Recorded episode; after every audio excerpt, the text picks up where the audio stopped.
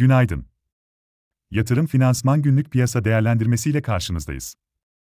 Bugün günlerden 27 Aralık Salı.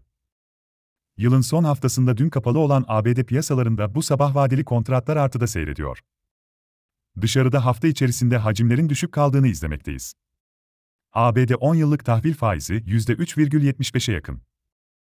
Buna karşın son dönemdeki veri akışının iyimser tablo çizmesi piyasaları yukarı taşıyabilir.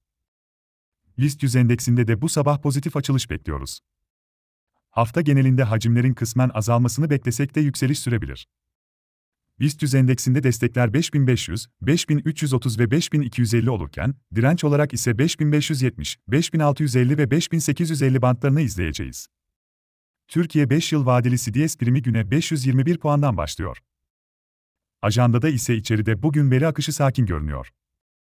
Dışarıda ise ABD'de toptan eşya stokları, konut fiyat endeksleri ve Dallas Fed imalat endeksi takip edilecek. Yatırım finansman olarak bol kazançlı bir gün dileriz.